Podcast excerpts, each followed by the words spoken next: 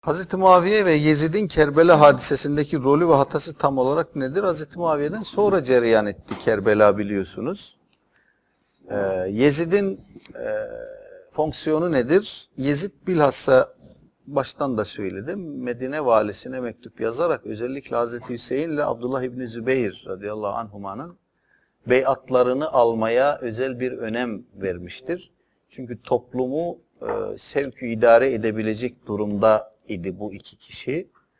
Yezid bu sebeple özellikle Hazreti Hüseyin'in beyatı üzerinde durmuş, ona hassasiyet göstermiş. Ama kaynaklar diyor ki e, Hazreti Hüseyin'in mübarek başı kesilip de Yezid'e gönderildiğinde e, Ubeydullah İbni Ziyad'a lanet okumuş. Allah ona lanet etsin demiş. Ben ondan böyle bir şey istemedim. Ben Hüseyin'in kanından, Resul-i Ekrem Efendimizin torununun kanından beriyim. Ee, ama bunu yapanı da görevden almamış. Herhangi bir şekilde cezalandırmamış. Dolayısıyla bu hadiseye için için sevinmediğini söylemek de e, çok mümkün görünmüyor.